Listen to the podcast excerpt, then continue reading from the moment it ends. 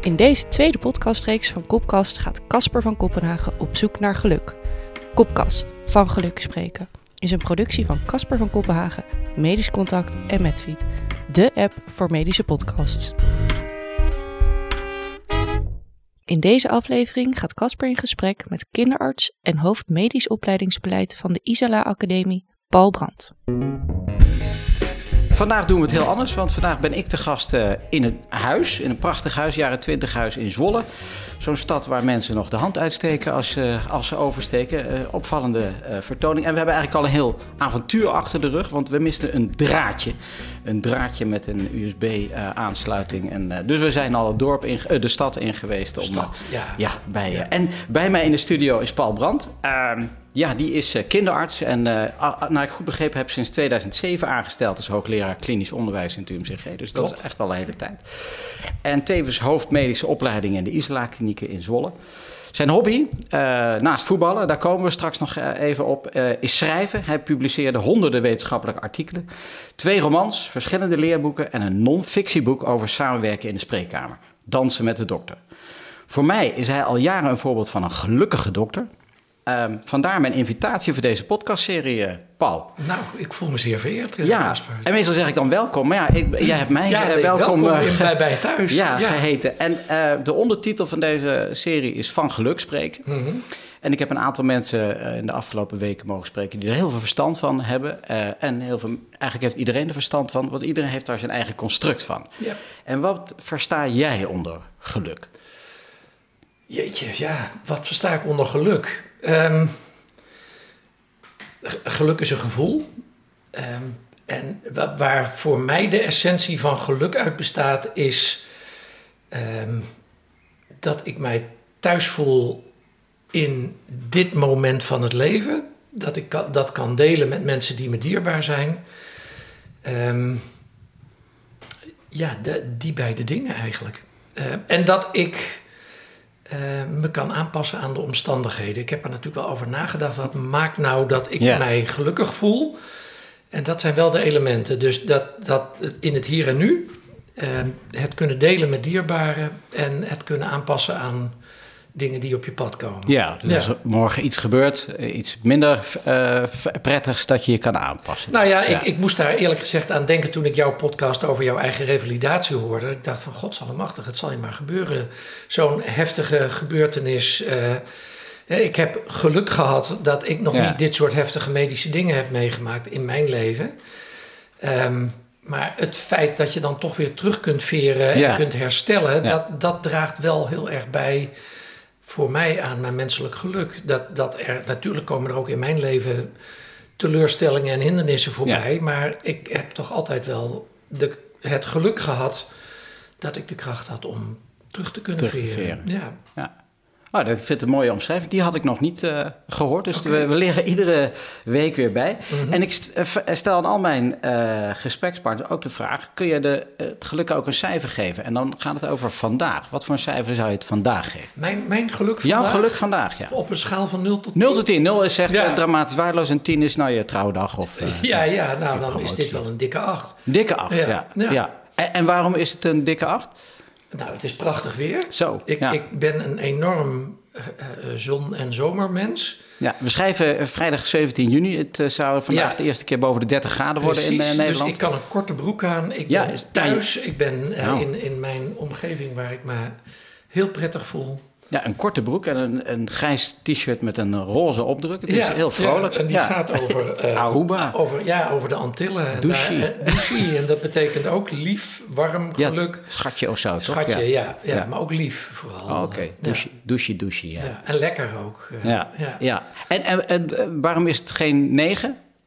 Of ben je niet zo'n negengevers? Nou, ik, ja, weet je, dit, dit, waarom, ja, wat, wat zou... Dit, dit kan er nog iets gebeuren? Het, waarom? Is, het is niet mijn trouwdag. Het is ook, hè, dus het ja. is niet zo'n nee. zo'n dag van ultiem geluk. Maar dit is een, uh, ja, een hele, hele mooie hele dag. mooie dag. Ja. Oké. Okay. Ja. Nou ja, ik ben, ben dan altijd zo, uh, uh, zo kwetsbaar om zelf ook een cijfer te geven aan de dag. En ik zit inderdaad ook wel weer boven de acht. vorige week had ik een dipje, maar nu, dat heb je wel eens zo'n dag. Ja. Maar nu was het een een, is het eigenlijk een goede dag. Hè? De zon schijnt, zoals je zegt. Ik mag een, een, tripje maken naar Zwolle, waar ik nog een deel van mijn opleiding heb genoten. Altijd weer nostalgie ook. Ja.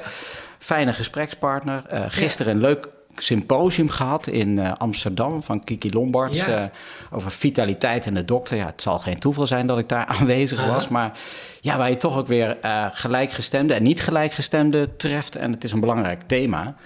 Uh, ja, dus dat maakt me eigenlijk wel gelukkig. En uh, wat me heel erg gelukkig maakt, is dat ik morgen afreis naar Oostenrijk, waar wij volgende week de Handbike Battle organiseren. Dat is een wedstrijd voor uh, mensen met een dwarslesie, amputatie, zwaar ongeval gehad hebben, een beroerte. Die dan een tijdje nadat ze dat is overkomen, in staat zijn om na drie, vier maanden voorbereiding een wedstrijd in een handbike een, uh, een grote Alpenreus te trotseren. Nou, daar mag ik bij zijn, die mag ik aan elkaar praten. En ook daar maken we weer een podcast Ah, van. Uh, nou, ja. uh, maar het, dat is een hele bijzondere ervaring. en zo'n week is zwanger van de verhalen. En ja. die ga ik proberen op te tekenen. Ja. Dus ik, nou, misschien ga ik wel naar de 8,5 toe eigenlijk. Ja, nou, ik misschien ook wel. Ik zie net namelijk ook nog mijn oh. bakje met verse frambozen op tafel staan. dus vanuit, ik, ik, ik, mocht er een hebben, ja, zei ja, ja, maar je mag er wel tien hebben. Nou. Want ik, dit, dit is mm. de tijd van het jaar dat mijn frambozenstruiken hun oogst geven. En Zo. ik word intens gelukkig als ik dan s'morgens met mijn bakje de tuin in kan en dat vol kan ja. plukken met al dat moois wat zomaar in mijn eigen tuin groeit en zoveel lekkers geeft. Ja, maar het is niet voor de bühne, want toen ik jou vlak voordat ik hier aankwam belde, was je inderdaad frambozen aan het plukken. Frambozen ja. aan het plukken, ja. Ja. ja. ja, is op een vrije dag. Nou, dat vind ik al heel wat. Um, voor een, zo'n druk bezet persoon als jij. Um, ja, en ik heb dus de, de eigenaardigheid dat ik een column uh, schrijf en dat ik die voordraag. Dat ga ik nu doen. Want ik mocht bij de voorbereiding, hè, mocht ik jou niet al te veel veren in de bibs uh, steken. Maar ja, je, hebt, je gaat niet over mijn, de inhoud van mijn column. Daar gaat helemaal niemand over. Dus ja. uh, daar gaat toch wel iets van veren komen. Nou, doe maar. Um, en als het te gênant wordt, dan ja, ga je gewoon wat anders doen. Ja, precies. Ja. To switch or not to switch? That's the question. Kijk, daar zit een gelukkige dokter in het felle zomerzon met het fraaie gebouw van de Isla Klinieken achter zich. Ik kijk naar een filmpje van de prachtige nieuwe beweging Zin in Zorg. Paul Brandt, voor mij een bekend gezicht. Onze eerste ontmoeting dateert alweer uit 1998 als AJO Sportgeneeskunde op de afdeling cardiologie. Die menselijke ontmoeting maakte kennelijk zo'n indruk op me dat ik hem sindsdien ben gaan volgen. Wellicht ook getriggerd door onze wederzijdse liefde voor voetballen. Die we net overigens nog terugvonden dat er iedere maandag werd getrapt door de Isla-klinieken. Paul Brandt schreef boeken, stapte van de geëffende paden, stond op de bühne en hij liet zich zien. En hij verschafte mij passant de wereldtip voor alle optredens in het openbaar. Ja, je kan wel denken dat ik het goed kan, maar het draait vooral om de drie V's. Voorbereiding, voorbereiding, voorbereiding. Iedere jonge dokter heeft rolmodellen nodig om tegenaan te schoppen of om te koesteren. Welnu, Paul Brandt is zonder dat hij er weet van heeft of heeft gehad, een van mijn rolmodellen, of hij dat nou wil of niet. Maar kijk hem daar dus zitten in de zon, zonder witte jas. Hoe is het mogelijk? Dit is toch dezelfde kinderarts die tot drie keer toe door zijn collega's werd uitgeroepen tot dokter van het jaar? Paul Brandt oreert in het filmpje over een periode waarin vele kansen voorbij kwamen om in de academie te gaan werken. En ook in Huizenbrand, hoe herkenbaar, wordt scherp en richtinggevend tegengas gegeven. Gelukkig maar, want je ego zou er nog van kunnen gaan stijgen. Zeg Paul, leuk allemaal voor je die erkenning, maar ga jij nou echt voor de derde keer een gesprek voeren met mensen die iets van jou willen? En volgens mij weet je zelf helemaal niet wat je zelf wil. Hij zegt in dat filmpje, en toen heb ik een coach genomen. Die heeft me geholpen om de juiste keuzes te maken. Het ging hier over zijn switch van dokter naar hoofdopleidingen. En mijn drijfveren, mijn drijfveren zijn mensen in beweging zetten. En dat hoeft dus niet per se als dokter te zijn natuurlijk, maar is onafhankelijk van welke positie of functie dan ook. Het lijkt wel haast het thema van deze podcastserie Kopkast van Geluk spreken te zijn geworden. Weten wie je bent, hoe je de dingen doet en wat je drijfveren zijn. Dat helpt je als mens en als dokter. Als de twijfel voorbij komt, of als de corvée van de dagelijkse werkzaamheden de overhand neemt. Of als de omgeving je in beweging zet, omdat ze iets in jou zien wat jij nog niet ziet of helemaal nooit hebt gezien. Of omdat je eigen ambities je op onbekende en onbestemde plekken brengt. Ikzelf heb ook een aantal keren een relatief grote switch gemaakt. In 2004 van sportarts naar revalidatiearts. Niet over één nacht ijs gegaan, niet zonder slag of stoot. Door te praten met Jan en Alleman, door een coach in de hand te nemen. Maar de beslissende stoot werd gegeven door een cardioloog. Een bal van klasse die en passant tegen me zei toen ik op een berg zonder, mijn zonde aan het overdenken was en alle plussen en minnen op een rijtje aan het zetten was. Zeg, wat pik je toch? Je weet het antwoord toch al lang? En weg was hij. Wat zei hij nou? Wist ik het antwoord al lang? Maar hij had gelijk. De ziel had al lang een beslissing genomen. Tien jaar later, toen ik op een mooie plek in de revalidatie intussen had ingenomen, stond er kennelijk op mijn voorhoofd geschreven: Ik ben toe aan een nieuwe baan. En werd er aan alle kanten aan me getrokken. Dat wist ik zelf nog niet, dat van die nieuwe baan. Maar zodra ik erover ging nadenken en doorvoerde, was ik eigenlijk gezien. En ik was alweer onderweg. Weer gesproken met Jan en Alleman. En er volgde een keuze. Ingegeven door een combinatie van gevoel en ratio. Ratio? Jazeker. De nieuwe baan was om de hoek, op het fietsje, in een circuit waar ik opgeleid was. En het was in de academie. Hooray, Champions League. Uitdagend genoeg. Een win-win. En als het leven je kansen biedt, moet je die pakken. Zo zat ik in de wedstrijd. Wellicht, of wel zeker, ingegeven door zij die de kans niet kregen. Om het leven vol te leven. Ik omarmde de keuze nadien. Champions League ziekenhuis met Champions League collega. Binnen en buiten het vak, in een omgeving waarin er veel mogelijk was.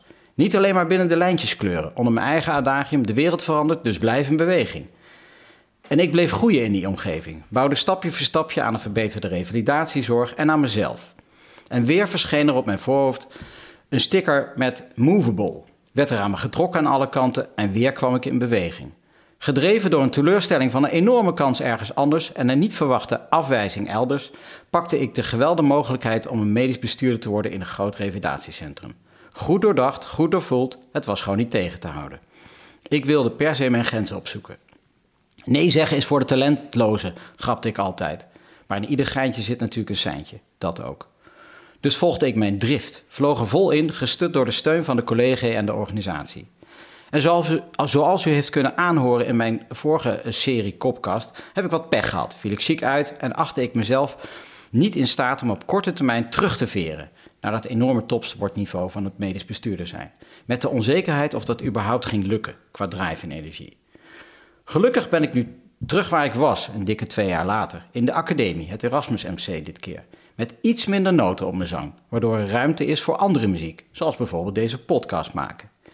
Ik weet wie ik ben en hoe ik de dingen doe, denk ik, maar het proces gaat gewoon door. De wereld verandert en ik verander mee. En ik leer mezelf iedere dag beter kennen. Door te leven, door koffie te drinken of te wandelen met nog steeds die Jan en Alleman. Te praten met de meest interessante mensen, zoals voor deze podcastserie. Maar ook door te praten met een professional, die coach, om mezelf en mijn drijfveren nog beter te leren kennen, te begrijpen en vooral te toetsen. Bewegen, altijd maar bewegen. Maar om jezelf en anderen in beweging te brengen en te houden, moet je durven stil te staan. Om jezelf te aanschouwen en te relativeren, dat vooral. Maar kom, laten we weer wat gaan doen.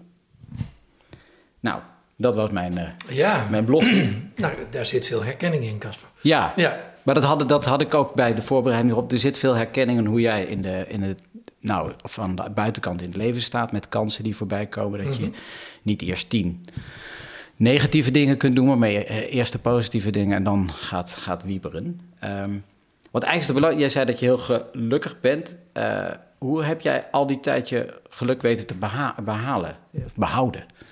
In, in mijn werk? Ja, je wel of ja. Of wat Je... Nou ja, als, als, als ik helemaal terug ga naar de basis, dan heb ik het geluk gehad dat ik in een warm en stabiel nest ben geboren. In een vrij en democratisch land. Dat zijn wel dingen waar nou. ik, Dat is mij ook wel echt met de paplepel ingegoten om daar dankbaar voor te zijn en stil bij te staan. Mijn ouders hadden allebei vrij intens de oorlog meegemaakt. Ja. Uh, dus dankbaarheid voor die mogelijkheden en die kansen, die stabiele basis die ik gehad heb, dat is, ja, uh, dat zit in mijn DNA. Ja. En dat, dat doorvoel ik ook nog echt heel regelmatig. En mijn vrouw komt uit een soort gelijknest, dus wij hebben allebei een hele stevige basis. En uh, ja, dat geeft ons ook de, de, ja, de mogelijkheden en, en uh, uh, de kansen om dat geluk weer voor te zetten en te delen met onze kinderen en anderen. Daar, daar, daar ben ik mij echt bewust van. Dat ik een ontzettende. Ik ben een bofkont. Ja, geluksvogel. Ja, en ik heb ook, kon ook altijd nog heel goed leren. Ja. Dus daardoor rolde ik zo de En voetballen dus ook? Nou ja, ik was geen goede voetballer hoor. ja. ik was een, uh, een, de hardwerkende hobbyist. Aha. Ja, ik, met welke speler zou je jezelf vergelijken? Nou, het liefste met Johan Neeskens. Want dat was mijn idool op jonge leeftijd. De bikkelende, schavende middenvelder. Uh, dat zou je tegenwoordig een controlerende middenvelder noemen. Maar ja, zo, zo iemand die overal en nergens anderen in de weg liep en ballen afpakte. Dat, is er nooit meer geweest. Ja, Edgar Davids misschien. Want hij kon ook vreselijk goed voetballen, die Neves. Ja, ja, ja, ja, ja, vooral dat vergeten die, we wel eens. Die, die, die, briljante eerste goal tegen nou, Brazilië, nou, halve finale ja. WK 74. Daar, ja. Uh, ja. ja, maar we, we gingen het nog niet over voetballen Nee, hebben. nee, dat doen we in een andere podcastserie die ik nog ga starten. Oh, heerlijk. Ja, maar eh, wat jouw, eh, jouw carrière is indrukwekkend. Hè? Je hebt heel veel gedaan. Maar ja, mijn verrassing was dus op enig moment dat ik jou eh, hoorde zeggen in dat filmpje... eh, ik zie helemaal geen patiënten meer. Ja. Terwijl je een echte, dat zul je vaak gehoord hebben, een echte mensendokter Ja. bent. Ja. Ja, ja, nou ja, de, het, ehm, hoezo? Hoezo? Ja, Ja. hoezo de keuze om te stoppen met het vak waar ik zo met hart en ziel ruim 25 jaar in gestoken heb. Ja. Ehm, En waar je steen goed in was waarschijnlijk. ja, en wat ik ook tot de dag dat ik stopte ontzettend leuk vond. Ehm, nou, daar waren eigenlijk twee belangrijke redenen voor. Het eerste was dat ik ehm, nou, de, de, de grote doelen die ik mij gesteld had in mijn werk als kinderarts, die, eh, Had je gehaald. die, die waren bereikt. Nou ja. Nee, Ik was hier naar Zwolle gekomen met eh, de intentie en ook de, de, de taak, dus dat sloot heel mooi op elkaar aan, om de, de zorg voor kinderen met astma verder te ontwikkelen en eh, steengoed in de stijgers te zetten. Ja. Eh, en dat ook te onderbouwen met onderzoek. Dus eh, toen ik hier in Zwolle kwam, eh, was er al een andere kinderlongarts. En samen met hem, met Ruurt-Jan, hebben wij nagedacht over wat zijn nou dingen in de zorg voor kinderen met astma die we moeten Ja. verbeteren. Nou, een van de eerste dingen was zorgen dat er mogelijkheden komen voor een kinderlongverpleegkundige Kundige. als aanvullende. Hè, dus wat, dat doe je niet alleen als dokter, het Nee. is echt teamwerk. Nou, daar hebben we wat handig. eh Ruud-Jan was een ontzettende ritselaar, dus die wist de weg naar de bestuurskamer. Ik was meer van die ideeën. Ja. En, eh, En hij ging het eh, en dat was dus een heel goed team. Dus Ja. hij wist eh, hoe je dat moest, eh, voor elkaar moest krijgen. Want er was natuurlijk niet zomaar vanzelfsprekend geld voor een kinderlongverpleegkundige.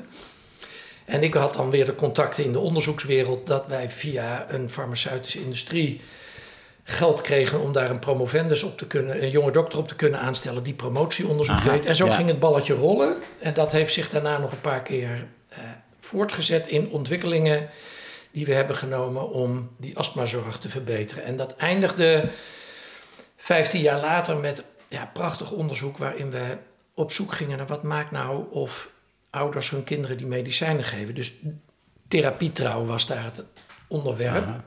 Dus dat ging al meer over het systeem ook, zeg maar. Ja. hè? Dus, eh, Ja, dus, niet, hè, dus niet eerst het medicijntje. kinderverpleegkundige. Ja, Toen hebben we onder, een aantal dingen onderzocht rondom wat moeten we nou monitoren om die kinderen goed Ja. in de gaten te Ja. houden. En uiteindelijk hadden we dus een onderzoeker die ging kijken naar therapietrouw. Dat was dus op een subsidie van het Longfonds die we hadden gekregen als Ja. perifeer ziekenhuis. Dat was ja. ook wel dat is bijzonder. bijzonder, ja. ja. Eh, Knap, ja.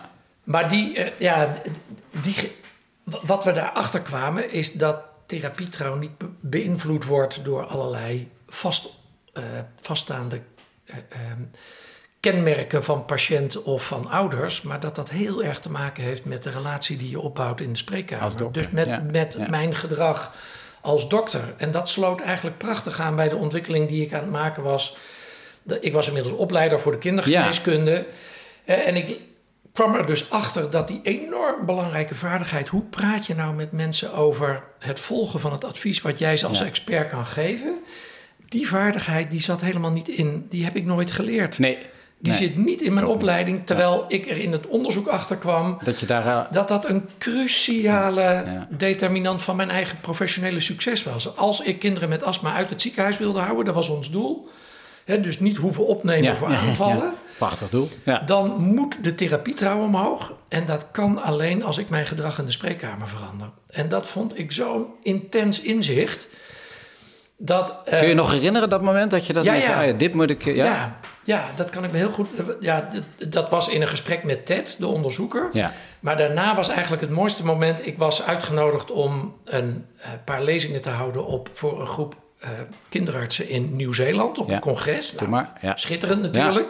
Hatsevee. En In het eh, daar vertelde ik Ja. het verhaal hoe wij de therapietrouw in Zwolle door anders an- om te gaan in de spreekkamer op 84% hadden gebracht. Dus hè, die mensen nemen dan 84% van alle doseringen die wij ze voorschrijven. Dat oh ja? is waanzinnig Dat, hoog. dat, ik dacht altijd dat er rond de 20 procent Nou, rond de was. 50 Ja. Oh ja, zegt de ja. literatuur. Oké, dus wij hebben het wereldrecord therapietrouw. zo. En is, dat hebben we gedocumenteerd en is gepubliceerd. dat nog verbroken? Of, Nee, eh, nee, nee. Verder op de dag vandaag niet, niet. Verder zijn we niet competitief, maar ja. En ik had dat verhaal verteld op dat congres. En Ja. ehm, eh, eh, ik sta s'avonds aan de bar met een... Dit was in 2012.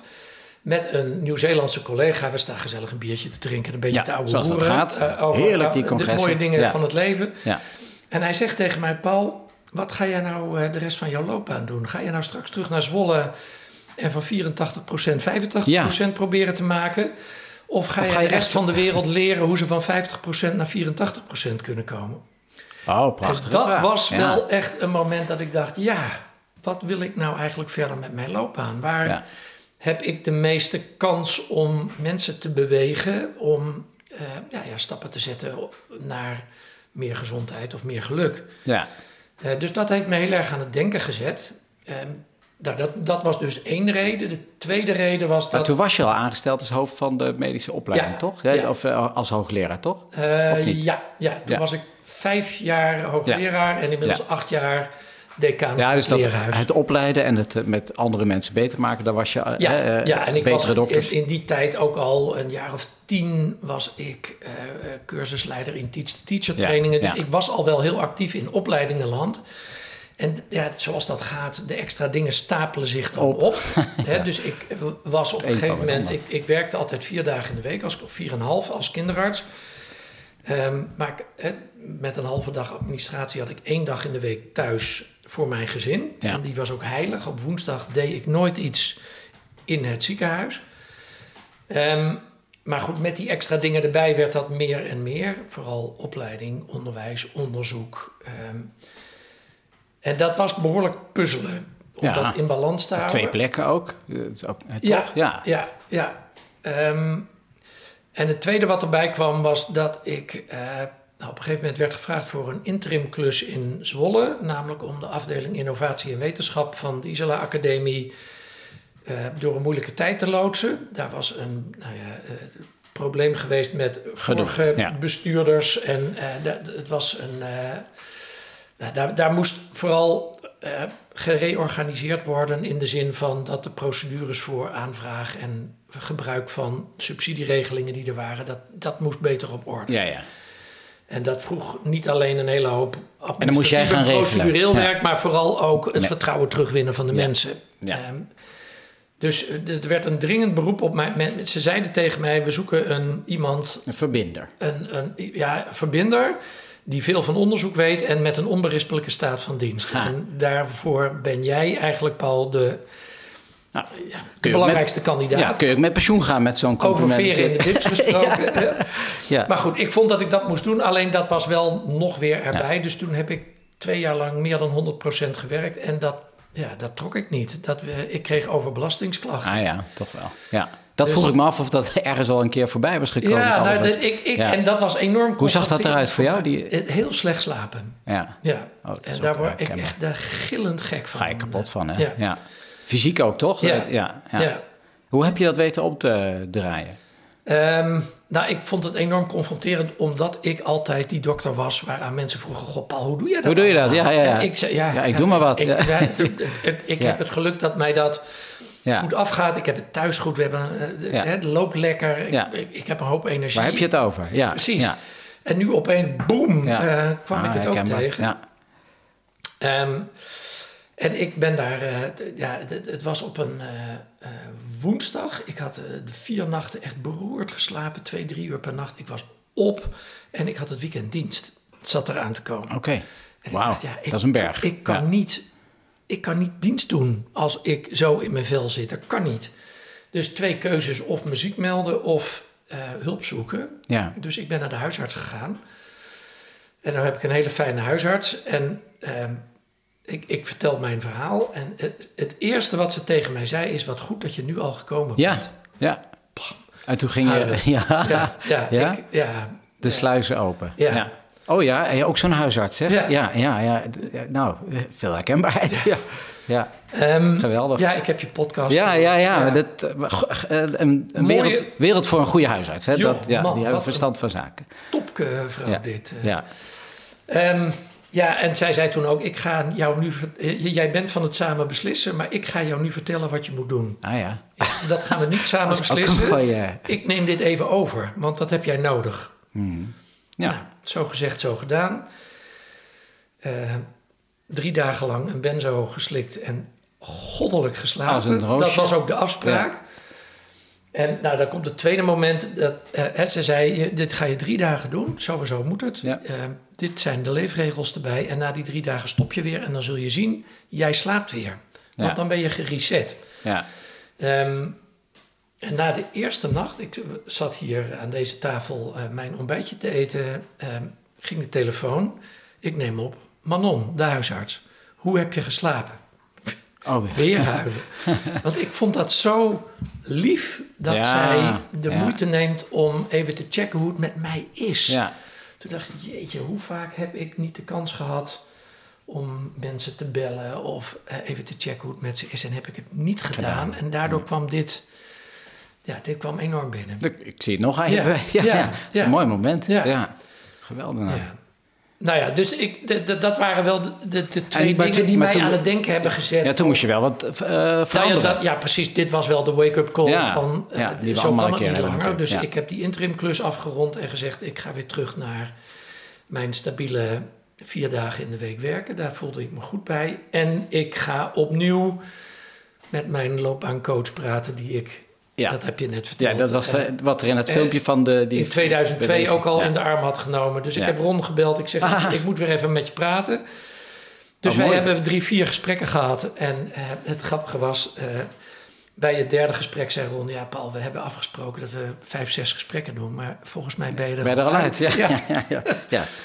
Dat is geen En, ja, dat was ook zo. Ja. Ik was er wel uit dat ik eraan toe was om de kindergeneeskunde vaarwel te zeggen. Ja. En om van die andere dingen dus mijn werk te maken. Ja, Ehm, omdat ik daar ook zoveel plezier en energie uit haal. Ja. En omdat ik dus nou ja, met in het achterhoofd die ervaring in Nieuw-Zeeland. ja. Nee, ik snap nu beter Het- je drijfveer. Het eh. idee ja. had van, ja, eh, daar, daar heb ik misschien ook wel meer impact. Daar, Ja. ehm, ehm, en het, het past bij wat ik wil, namelijk mensen bewegen. Ehm, en het is, biedt mij meer kans om te blijven leren. Want dat was ook wel zo dat in ja, de kindergeneeskunde... Het was geen sleur geworden, maar wel routine. Nee, maar je was natuurlijk de top. Dus je, weet, Ja. je kijkt om je heen en denkt van wie kan ik nog wat leren? Dat, nou, je kan iedere dag van iedereen Iedere leren. dag van ja. mijn collega's leren. Zo bedoel je niet, maar ik snap wel Ja. wat je... Ja, je nog iets anders. Iets Ja, anders. ja. Het, was. Het, was, het was wel... Ja, de grote uitdagingen waren eruit. En het was een beetje routine geworden. Routine die ik overigens nog met heel veel plezier Ja. deed, elke dag. En dus ik... ik en dat maakte het ook wel moeilijk om het vaarwel te zeggen. Nou, je Ehm, hebt natuurlijk allerlei collega's die naartoe komen. Ben jij gek geworden? nou ja, ik had ze wel voorbereid Ja. dat ik eh, Oh, daarop zat te eh, denken. over na zat te denken. En dat het het dus waarschijnlijk was dat ergens in de komende twee, drie jaar ik wel wat anders zou gaan doen. Maar Ja. goed, toen kwam dat inzicht dus wat sneller. Ja. Dus ik herinner me Ja. nog dat ik op een vakgroepvergadering zeg: jongens, ik moet jullie iets vertellen. Het moment is gekomen. Binnen nu en een jaar ben ik weg. Oh, wel een jaar. Dat is wel mooi. Dat. Ze hadden wel de tijd om eraan te wennen. Ja, want ik moest ook nog iets anders vinden waardoor ik de overstap kon maken. Ah, en ja. dat, dat is dan ook weer geluk hebben. Juist op dat moment deed zich een vacature in het ziekenhuis voor. Aha. Ik dacht, ja, dat het een had niet met het ander te maken. Nee, ja. nee, nee. Oh. Oh. Nou, althans, Nou ja. Eh, Voor de anekdote is het niet van mooi. Het, het kwam Ja, samen. samen. ja. Ja, zoals dat zo is in het leven. Ja. Ehm, en Oh, dat bedoel ik ook met aanpassingsvermogen. Ja. Dat, ehm, ja, ik, ik stond voor een belangrijke keuze in Ja. mijn leven. En ja, er komt een gelegenheid voorbij. eh, ja, Ja. Die, die kun je dan grijpen. En dat was dus kort ook nadat je dus eh, even een periode heel slecht had gevoeld, zeg maar. Ja. Het was er kort na. Was je dan niet bang dat je dan in die nieuwe, weer een nieuwe setting, weer van alles leren, dat je daar onderuit zou gaan? Of Ehm, had je het idee, ik heb wel genoeg geleerd van dit? eh, nou, de- de- ne- de- nee, want inmiddels sliep ik gewoon echt weer Ja, goed. Dus Manon had ook gewoon gelijk ja, gehad. slapen is echt zo belangrijk. Ja, nou ja, maar goed, mijn huisarts heeft daar ook verstand van. Dat is, hè, dat is Ja. haar vak. Ja. Die ziet natuurlijk veel meer mensen met slapeloosheid dan Ja, ik. Ja. Ehm, en die zei ook, die gaf ook het vertrouwen. Dat vond ik ook zo schitterend. Van dit gaan we doen en dan heb ik het vertrouwen, dan gaat het weer goed komen. Want dat Ja. is bijna altijd zo. Ja, belangrijk. En als dat niet zo is, dan, dan, zien we dat, dan gaan we samen verder Dan hebben we plan B. Precies. Ja. ja. dus ik sliep inmiddels weer goed. Ik voelde me ook weer goed. Ik, dat gaf ook het vertrouwen. Joh, ik kan zo'n dip aan. Dat is ook wel heel lekker. Ja. Um, en deze, dit, dit, deze nieuwe job in het ziekenhuis, dat is dat ik het programma voor IFMS kon gaan leiden bij ons in het ziekenhuis. Um, super belangrijk. Super belangrijk, ja. En, en super leuk ook en, en mooi. Ja. Um, plus het grote voordeel, dat is een type werk waar geen diensten in zitten. Nee. en dat was wel een van de dingen in de kindergeneeskunde. ja, hebben wij behoorlijk intense diensten. Nou. bij nacht en ontij altijd. Ja. En ik merkte met het ouder worden dat ik daar minder goed van herstelde. Ja. dus ik, de, dat was één onderdeel van het vitaliteitsdingetje natuurlijk. Ja. Die ik met plezier los heb gelaten. ja. ja. ja. ja. Wauw. Ja, oké, dan snap ik het iets beter. Um, we hebben even een intermezzootje, okay. Paul, want we hebben een... Uh, um, we hebben een beller. We hebben een beller mm -hmm. en dat is Özlem. Is uh, een uh, student van het Erasmus MC. Uh, een van de studenten die het haakje vormde voor deze hele podcastserie, namelijk okay. uh, Wat wil je worden later gelukkig? Ja. Uh, in plaats van chirurg of cardioloog, was zij overigens niet, maar zij zat er vlak naast en zij schudde ook. Oké. Ehm, en zij, zij loopt op dit moment kooschap chirurgie, dus ja. we, we, storen haar waarschijnlijk midden in een poli of ze staat haken te okay. houden. Of, mm -hmm. Ik ben heel benieuwd.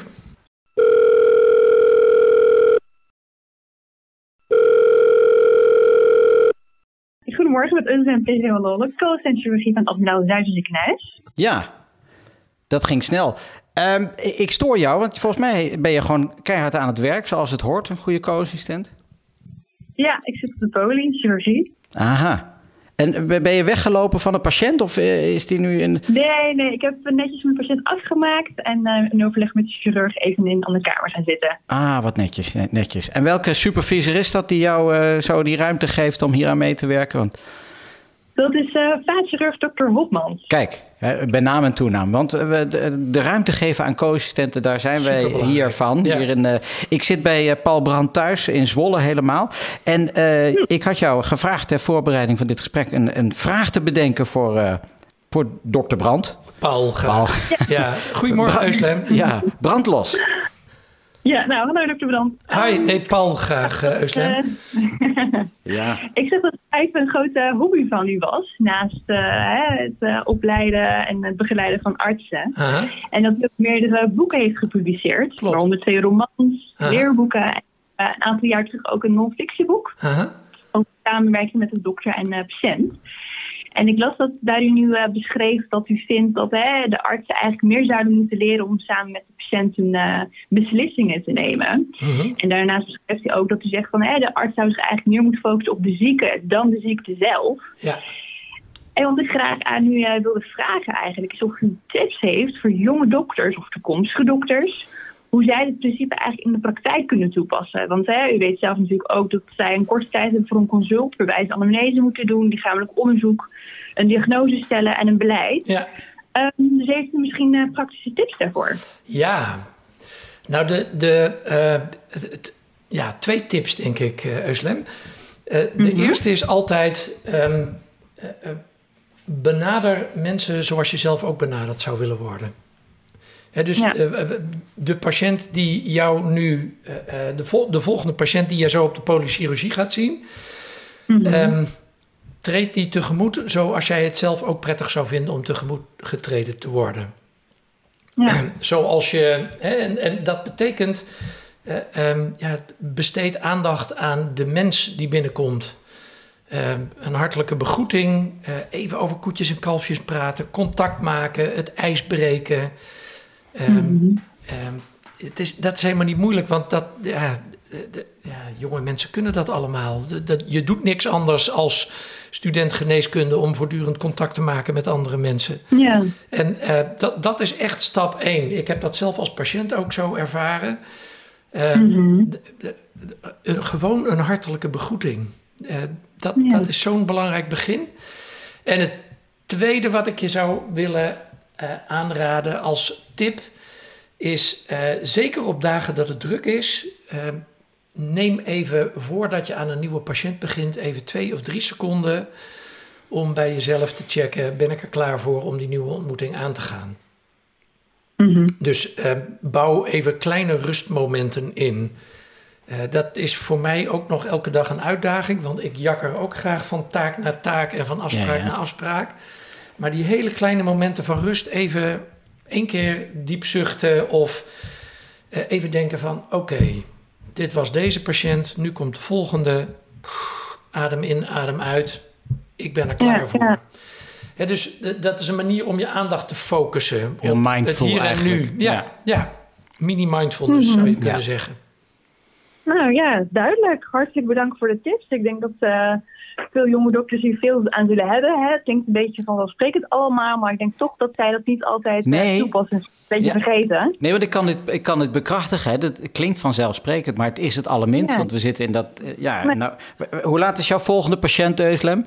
Of is die er al echt? nou, na het gesprek ga ik even kijken hoe Ja, laat, eh, ja, de eerste ja. volgende. Ja, dus even tot drie tellen, eh, de naam oefenen. Ja.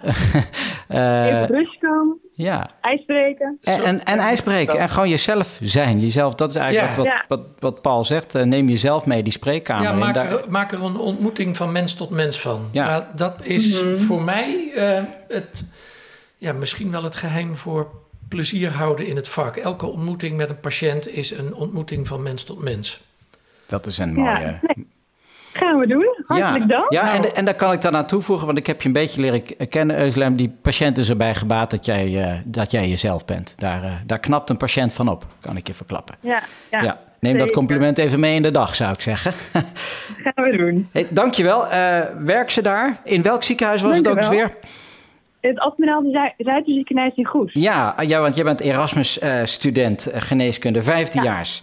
Euslem, eh, we gaan elkaar vasttreffen binnen nu en, en kort. Maar eh, het gaat je goed. Ja, Euslem, dankjewel. En een goed kooschap en de groeten aan collega Hopman daar. Ga ik weet niet of hij me kent, maar hij verdient wel een, eh, een groet voor het feit dat, Dat- hij eh, jou de gelegenheid geeft Ja. om ook andere dingen te doen. Ja. Ja, Zeker, ja. heel hulde, hulde. Goed zo. Oké. Ga je goed. Hoi. Fijne dag. Hoi, hoi.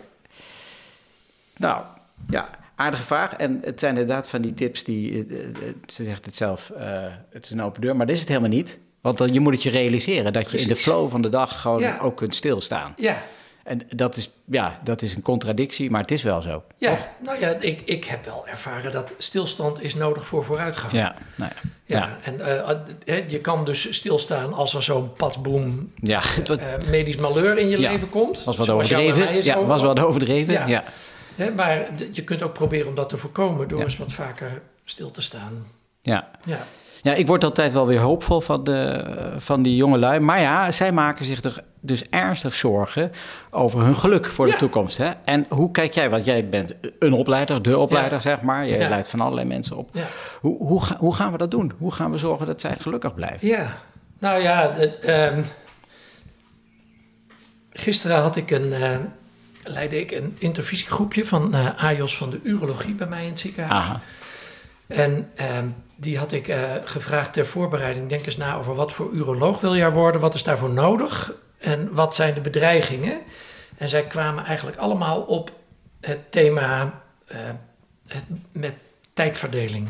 Dus naast alle tijd en energie die in het werk gaat Ja. zitten, zien zij als gevaar op zich afkomen dat er weinig tijd zal zijn voor zichzelf of voor een leven buiten het ziekenhuis. Ja. Partner. Ja, dat is echt het thema op dit moment van, Absoluut. van de dolende dertigers Ja. zijn dat denk ik. Ja, eh, de- 20 ja en 20, precies. ja. Laat Ja. twintigers, begin dertigers. eh, en dat herken ik zelf ook nog wel uit die tijd. Dat, dat is misschien ook wel een voortdurende eh, uitdaging.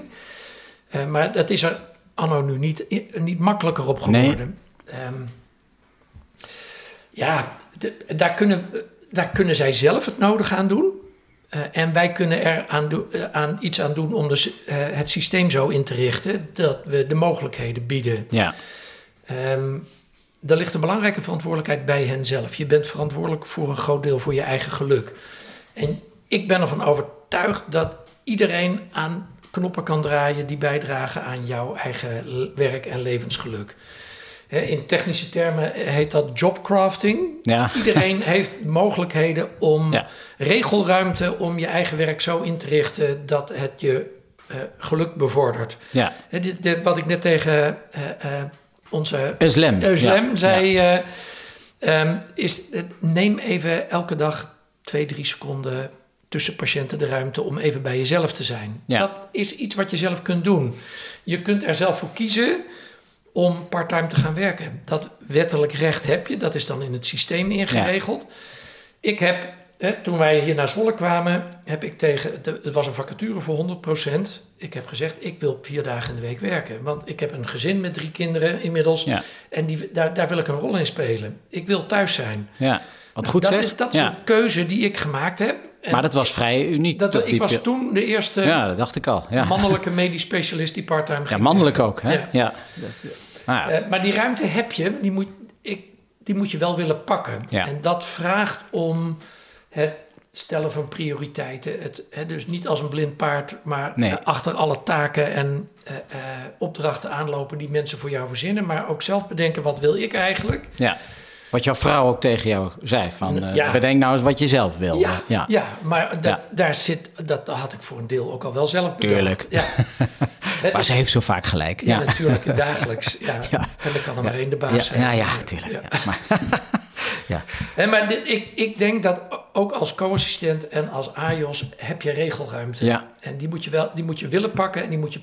Nou, die kun je pakken. Ik, ik durf het ook wel eens om te draaien. Ik, bedoel, ik mag me tegenspreken natuurlijk, maar ze hebben ook de verantwoordelijkheid om dat te doen. Want we hebben natuurlijk niks aan dat mensen uitvallen. Hè? Ik bedoel, eh, want er wordt even mijn vrienden die niet aan de geneeskunde zitten. Ja, weet je wat jullie kosten per, per jaar met je opleiding? Hè? Dat, daar gaan tonnen wordt erin Ja. gestopt. Jij hebt, jij hebt ook wel fit te blijven en Ja. gelukkig te Nou ja, blijven. het, het zit ook in de artsen-eet tegenwoordig. Ja. Hè? Dat je uitspreekt dat je goed voor jezelf zult zorgen. ja, Ehm, en dat is niet voor niks. Daar, Nee. en, en daar heb je zelf veel regelruimte in. Dus dat, dat is één. Aan de andere kant kunnen wij als bestuurders, als opleiders, als gevestigde, gevestigde orde... orde, ja. Wij, wij kunnen het systeem zo inrichten dat dat bijdraagt aan geluk. En ik, ehm, ja, ik wil daar een belangrijke lans breken voor hoeveel invloed wij hebben met ons gedrag als opleiders op het leer- en werkklimaat voor, onze, voor de jonge mensen. Als voorbeeld. Ja, En Ja, niet Ja. alleen als voorbeeld, maar ook als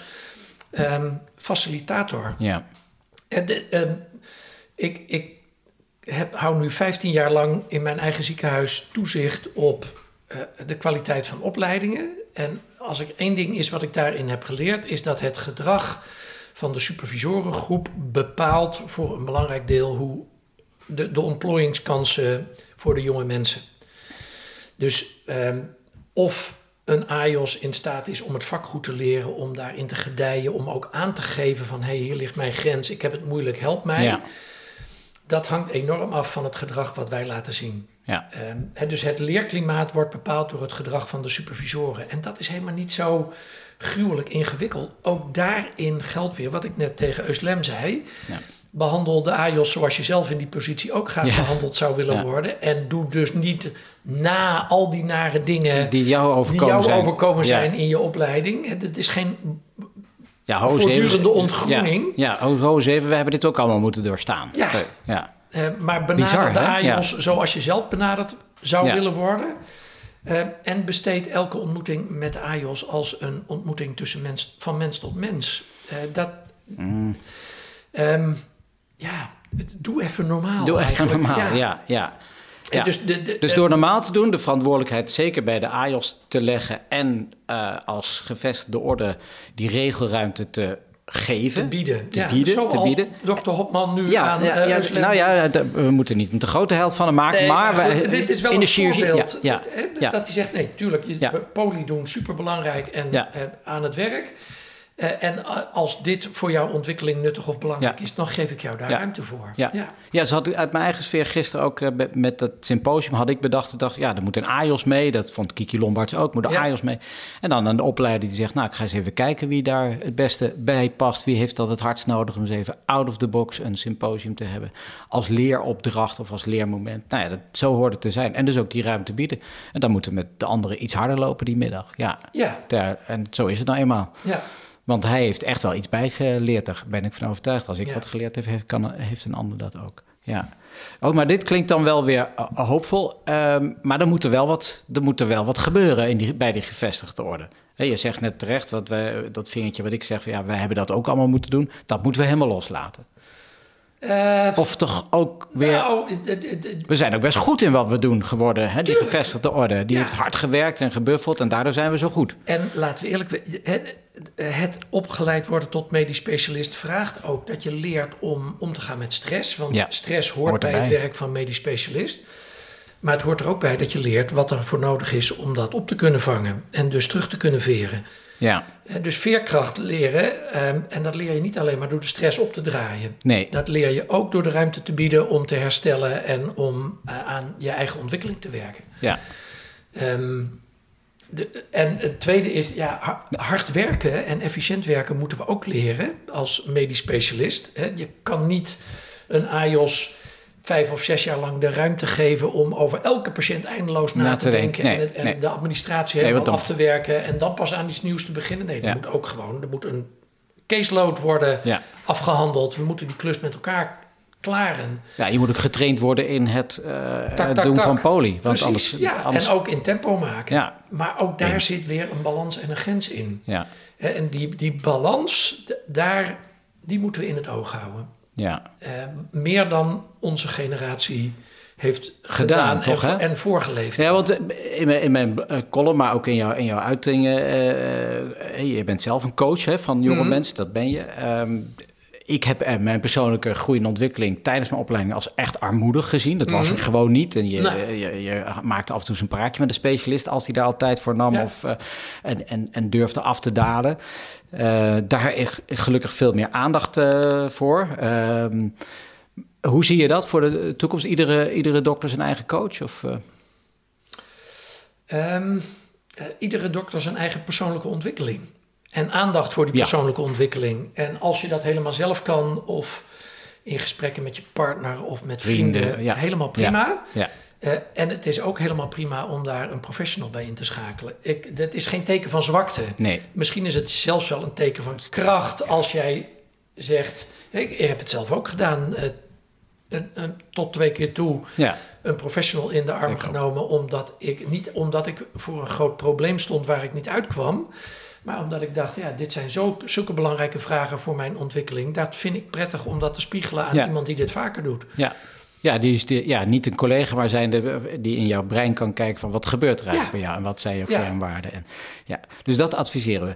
En nu eh, sta, je regelmatig, sta je nog wel eens voor collegezalen of niet? Nee, collegezalen niet. Oh, wel Eh, veel gedaan, toch? Of, Nee, nou, Oh. ik, ben- ik ben bijzonder hoogleraar, Ja. dus geen eh, routine onderwijsfunctie in het ah, geneeskundecurriculum, maar ik sta regelmatig voor zalen mensen.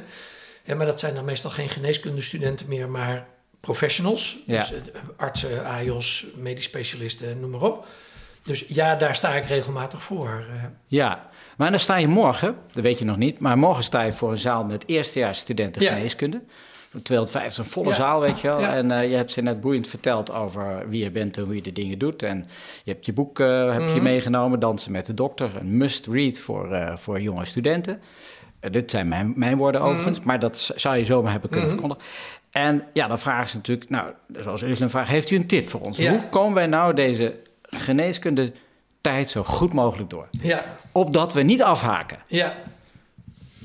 Ja, dus de, Ah. de, de, de, laatste vraag van Twan Huis. Ja, College van huis, ja, nee, het is in, ja, je ja, bent ja. beter goed gepikt dan slecht Ja. verzonnen, zeggen we Ja. Ja, ja. Ehm, Hij heeft het ook niet zelf verzonnen, hè? Nee, natuurlijk niet. Nee. Nee. Ehm, de- zorg goed voor jezelf. Ja, leef. Ja, leef. Eh, eh, ehm, eh, zuig het leven op met alle kansen die het biedt. Word lid van een eh, studentenvereniging, studievereniging, roeivereniging, debatvereniging, whatever. Ja, maar leef. Ehm, zoek de uitdaging op. Gepak die, die, die, al die mooie kansen die het studentenleven biedt.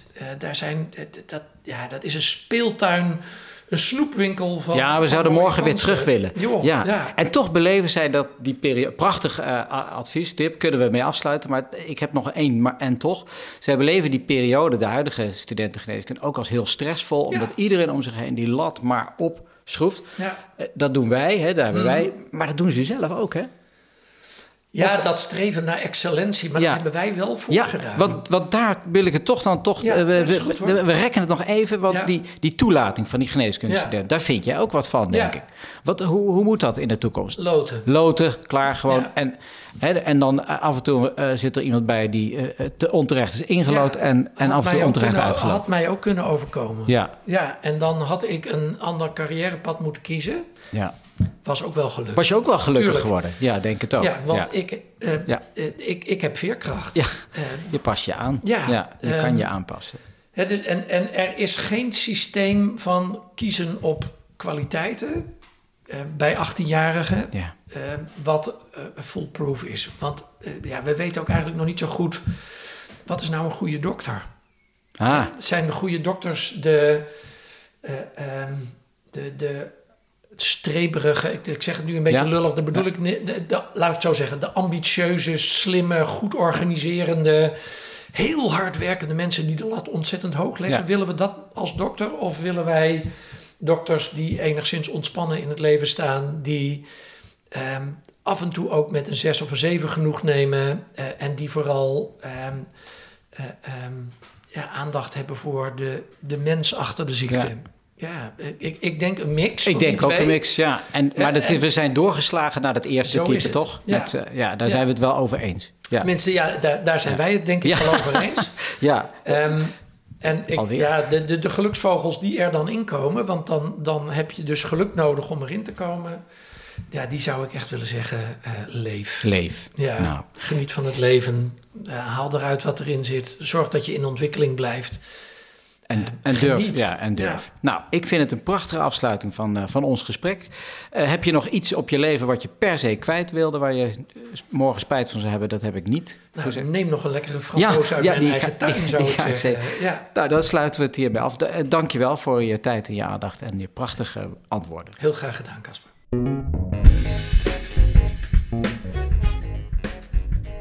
U luisterde naar Van Geluk Spreken, een podcast van Casper van Kopenhagen in samenwerking met Medisch Contact en Medfeed, de app voor medische podcasts. Niets missen van Kopkast? Abonneer je gratis op de podcast.